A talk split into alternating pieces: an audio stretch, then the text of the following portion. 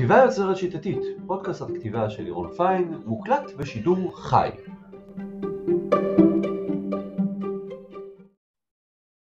טוב, אז אנחנו נדבר על מעגלי עלילה היום, שזו הדרך אה, לייצר את הבטן של הספר, לא את ההתחלה, לא את הסוף, אלא את האמצע של הספר, איפה שהרבה מאוד אנשים נתקעים, וזו דרך קלה מאוד כדי לברוח בתקיעות, וזו דרך אה, קלה מאוד כדי להבין איך אפשר לכתוב מותח כל הזמן. אז קודם כל עלילה.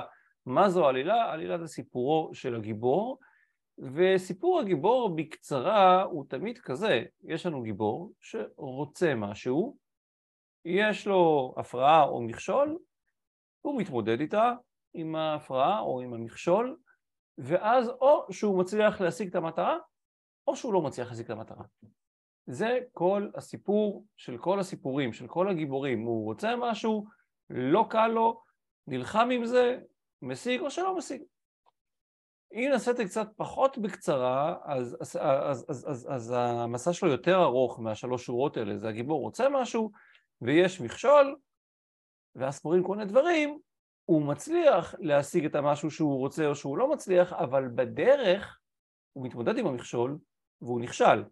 הוא לא משיג את זה בקלות, הוא מנסה עוד פעם, הוא נכשל, והוא מנסה עוד פעם, הוא נכשל, הוא מנסה עוד פעם ונכשל, עד שבסוף הוא לא נכשל. יותר משהו קורה והוא מצליח להשיג אותו, או שהוא נכשל עוד פעם, אבל הוא כבר לא יכול אה, להשיג אותו, כי זהו, כי נגמר הזמן, נגמר הספר, או שהוא מת, שקרה, או, או, או, או שהוא מת, או שהפריץ מת, או ששניהם מתים, אחד מה, מהדבר הזה. עכשיו כל כל הסיפורים בעולם הם כאלה, הגיבור רוצה משהו ומתמודד עם מכשול ונכשל ונכשל ונכשל ומנסה שוב, הוא לא מוותר, מנסה כל מיני דרכים עד שהוא משיג את זה, כל הסיפורים הם כאלה, והדבר הזה, הנכשל ומנסה שוב, זה מעגלי העלילה. אלה בדיוק מעגלי העלילה. הדברים האלה, הוא נכשל ומנסה שוב, זה מעגלי העלילה וזה הבטן של הספר. זה הבטן של הספר, זה האמצע המשעמם של הספר. זה אמצע שלא אמור להיות לשעמם, אבל הרבה אנשים שכותבים מגיעים לאמצע והם לא יודעים מה לכתוב שם משעמם, כי הם יודעים לכתוב פתיחה מקסימה. וואי, היום עברתי על ספר עם פתיחה באמת באמת מקסימה. אה, יודעים לכתוב סיום שהוא פיצוץ, אבל מה קורה באמצע? הבעיה זה באמצע הזה, מה, מה קורה שם? מעגלי עלילה, זה מה שקוראים שם, מעגלי עלילה, איך יוצרים מעגלי עלילה בקלות. יש שתי דרכים, שימו לב, זו לא טכניקה שלי, זו טכניקה שאני למדתי ואני מעביר, שתי דרכים לייצר מעגלי עלילה טובים בקלות. הדרך הראשונה זה שהגיבור מנסה משהו, הוא לא מצליח ו... לא ו... זאת אומרת, האם הגיבור הצליח להשיג את המטרה שלו? לא, הוא לא הצליח, והוא הסתבך עוד יותר.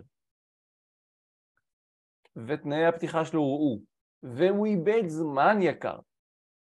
למה הדבר הזה הוא טוב? למה הוא לא משעמם? בגלל שהוא מחריף את הקונפליקט הראשוני שהתחיל את הסיפור. הרי הסיפור התחיל בזה שהגיבור רוצה להגיע, רוצה להשיג משהו. וזה מספיק מעניין כדי ליצור מזה סיפור. אז לצורך העניין, גיבור אה, בעל שני ידיים רוצה לשחק כדורסל והוא נמוך. הוא מנסה להשיג, אה, לשחק כדורסל, לא, הוא לא מצליח, ועל הדרך נשברת לו היד. אז עכשיו הוא עדיין רוצה לשחק כדורסל, אבל זה עוד יותר מעניין, כי איך גיבור עם יד שבורה ישחק כדורסל? זה הרבה יותר קשה לו מגיבור עם שעדיין בריאות. אז כלומר, הקונפליקט הראשוני שלנו נהיה יותר חזק, משמע יותר מעניין. ואם אתם אה, מחברים את זה לפרקטל שאומר אסון ראשון, הגיבור מנסה לפתור את הבעיה, לא מצליח ועכשיו מצבו יותר גרוע, זה בדיוק זה, רק שזה מעגל עלילה שיכול להיות מיושם בכל מיני רבדים. אם יש לנו סיפור אהבה לצורך העניין, בחורה שרוצה להתחיל עם בחור, מצליחה לקבוע איתו דייט, היא באה אליו, אפשר לצאת איתך? לא. והיא מגלה שהוא התחיל עם החברה הטובה שלה. זאת אומרת, עכשיו לא רק שהיא צריכה להתגבר על אה, לפתות אותו, אלא צריכה גם לבגוד בחברה שלה, או אה, מה שנקרא להתחרות בחברה הטובה שלה. או יכול להיות שזה יותר גרוע לה. או שיכול להיות שהיא התחילה, אה, ניסתה לקבוע את הדייט, לא, והיא הייתה כזאת קלאמזית ו- ומלמלה, שהוא עכשיו היא במקום הרבה פחות טוב. יכול להיות שהיא לא קלאמזית, והוא אמר לה לא, הלכה עוד ביצית, נגמר ה... היא לא הקפיאה. אה, אם אנחנו מדברים על הפוך משואה, מאהבה, אלא שואה, סיפור שואה, יש לנו, לא יודע, קבוצת אנשים שרוצים להתחמק מהנאצים שפלשו להם, אה, שנכנסו לגטו ורשה. הצליחו להתחמק מהנאצים? לא, הם לא הצליחו, ועכשיו הם בדרך למחנה ריכוז. מצבם יותר גרוע, קודם היו בגטו, עכשיו בדרך למחנה ריכוז. או לא הצליחו, עכשיו יותר קשה להם לברוח, לא הצליחו, הטרנספורט יצא לדרך. זה מה שקורה בסיפור שואה, זה אותו דבר, יותר גרוע, מצבם יותר גרוע משהתחילו. אז זו הדרך הראשונה של לא הצלחתי ועכשיו יותר גרוע לי. הדרך השנייה לייצר מעגל עלילה זה להגיד כן הצלחתי, אבל זה לא הסוף. גיבור הצליח להשיג את המטרה, כן, הוא הצליח להשיג את המטרה, אבל זה לא הסוף, היה לזה מחיר. או שזה היה רק שלב ראשון, או שוואי זה יצר בעיה אחרת יותר גרועה. בעיה, בעיה, בעיה. סיפור האהבה הרגיל שלנו, האם הגברת הנכבדת הצליחה לקבוע עם האדון הנכבדון דייט? כן, היא הצליחה לקבוע דייט, אבל איבדה את הכל. ועכשיו בדייט היא תהיה בלי קול, וזה יהיה דייט נורא ואיום. או שהצליחה לקבוע דייט, ואז היא גילתה שהשמלה שלה לא מתאימה, ואין לה איך מה ללבוש, ו... ו... או שהצליחה לקבוע את הדייט ואין לה מספיק זמן להתארגן. היא הצליחה במטרה, אבל זה רק יצר לה משהו אחר, חדש. אז אנחנו בסיפור שואה. הצליחו להתחבק מהנאצים? כן, הצליחו להתחבק מהנאצים, אבל עכשיו הם ביער ושלג ואין אוכל. מה עכשיו נעשה? או הצליחו להתחבק מהנאצים, עכשיו צריכים לגנוב את הגבול, זה אומר להתמודד עם עוד יותר נאצים וגם עם התפצות. אה, או שהצליחו להתחמק, אבל עכשיו הכלבים אה, רודפים אחריהם. אז זה הסיפור של מעגלי עלילה, שתי דרכים. או שאני לא מצליח להשיג את המטרה ומצבי נהיה רע יותר, או שאני כן מצליח להשיג את המטרה, אבל זה רק התחלה של משהו אה, אחר, כאילו פותח לי עלילה חדשה לגמרי. וזה גם עניין רקורסיבי, מעגלי עלילה אפשר לשים כמעגל בתוך מעגל, וזה מה שפותר לנו בעצם את בעיית הספר, בעיית הבטן של הספר. כי כל מטרה אפשר לחלק למטרות משנה. יש את המטרה הגדולה של מה שאני רוצה להשיג, אבל בדרך מטרות משנה שיכולות לייצר לנו הרבה מעגלים, ובתוכם עוד הרבה מעגלים, פחות או יותר זה נראה ככה.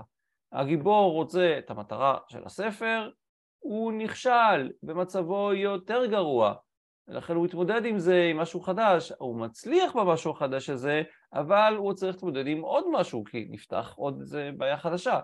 אה, והוא מצליח בזה, אבל נפתחת עוד בעיה חדשה, ואז הוא נכשל בפתרון הבעיה החדשה חדשה חדשה, ומצבו יותר גרוע, והוא מנסה עוד פעם ומצליח. בקיצור, ככה הדבר הזה, וכל עוד אנחנו פותרים, כמו בשפת תכנות של פעם, פותרים את הדבר הזה, אז אנחנו מסודרים.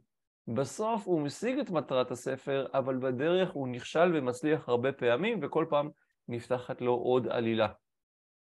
עכשיו, זה עובד פצצה כשמתכננים ספר, וכשאני אומר מתכננים ספר אני בעצם שקר, זה לא מתכננים ספר.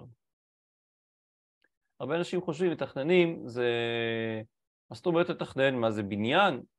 לא, לתכנן ספר זה לגלות את העלילה של הספר, רק המחיר של הטעות ב... ב... ב... בדרך הוא נמוך, הוא מחיר של שורה. אם אני מגלה את הספר על ידי כתיבה של דיאלוגים ותיאורים והכל, אז המחיר של טעות הוא עשרת אלפים מילים. אם אני מגלה את העלילה של הספר כשאני רק חושב על הדיאלוגים והם לא באמת, אה, עוד לא כתבתי אותם, אז המחיר זה שורה. אז איך עובדים הדבר הזה כשמתכננים ספר או כשמגלים בתכנון? אה, אז קודם כל, אה, מאוד קל, אנחנו עובדים מאוד חזק על מטרות הביניים. זה מה, ש... זה מה שתוקע אותנו, אין לנו מטרות ביניים.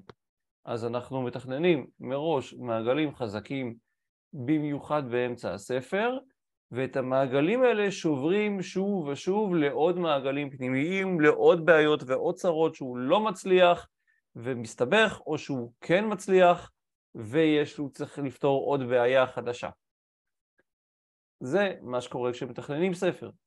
גם כשעושים כתיבה אינטואיטיבית, עושים את זה אותו דבר, רק מה, במקום אה, לכתוב שורות ובולטים, אז מגלים את הסיפור תוך כדי כתיבה, יש כאן בקהל, אני רואה לפחות אדם או שניים, ש... שעשה גם את זה וגם את זה, ומבין את היתרון של אה, וואלה, לא לבזבז כל כך הרבה מילים, אלא בוא נחשוב, נחשוב קודם, נחשוב לפני שאנחנו... חשוב לפני שתכתוב. אה, אז אנחנו מגלים את הסיפור תוך כדי כתיבה, אבל תמיד אנחנו זוכרים את עיקרון של המעגלים. כלומר, אם אנחנו מגלים את הסיפור והאיש, לא יודע, אנחנו כותבים בטקסט רץ, הוא נתקע בלב ים ומסביבו אה, כרישים, אה, ואז הוא צריך להגיע לאי ליד, אז הוא צריך לבנות סירה, אז איך הוא יבנה סירה? אז הוא צריך לקושש עצים, אז הוא הולך לקושש עצים ולא מצליח, ועכשיו הוא הרבה יותר רעב והרבה יותר חלש, והוא לא יכול לקושש עצים, אז הוא ממשיך לנסות לקושש עצים, ואז הוא מוצא במקרה, הוא כן מצליח למצוא עצים שכבר קוששו מקודם, ויש לו את העצים, אבל עכשיו הוא צריך לארגן חבל בשביל לקשור אותם. אז איך הוא...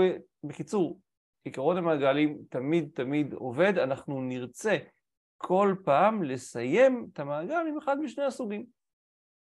אז מה שאנחנו הולכים לעשות עכשיו, בשיעור הזה עד הסוף, תרגול, כתוב שיעורי בית, אבל זה לא תרגול, זה לא שיעורי בית, זה כאן. תיצרו outline של עלילה, אל תיקחו את העלילות שלכם.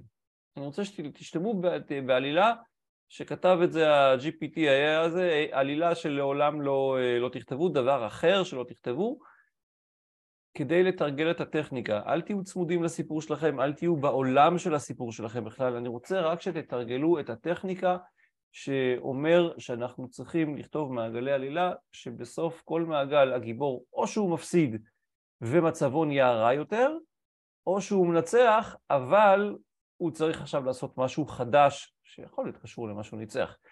אני מציע את אה, סיפורה של טייסת הקרב הראשונה בישראל, אתם יכולים לעשות מה שאתם רוצים, אה, כל דבר שאתם רוצים, זה יכול להיות סיפור אהבה פשוט, זה יכול להיות סיפור אהבה לא פשוט, זה יכול להיות, לא יודע, תכנת שצריך לפרוץ לתוך בנק, בסדר?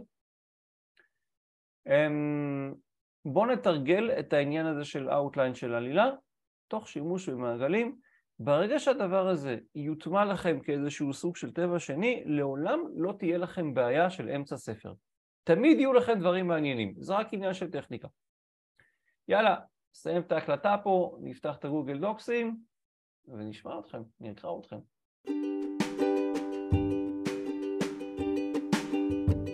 הקשבתם לפודקאסט הכתיבה של לירון פיין. אני מקווה שיצאתם עם לפחות טכניקה אחת שאותה תוכלו ליישם ממש עכשיו בכתיבה שלכם. רוצים עוד? חפשו בגוגל את לירון פיין, זה אני, או את בית האורחים, ההוצאה שלי, מה שבא לכם בטוב.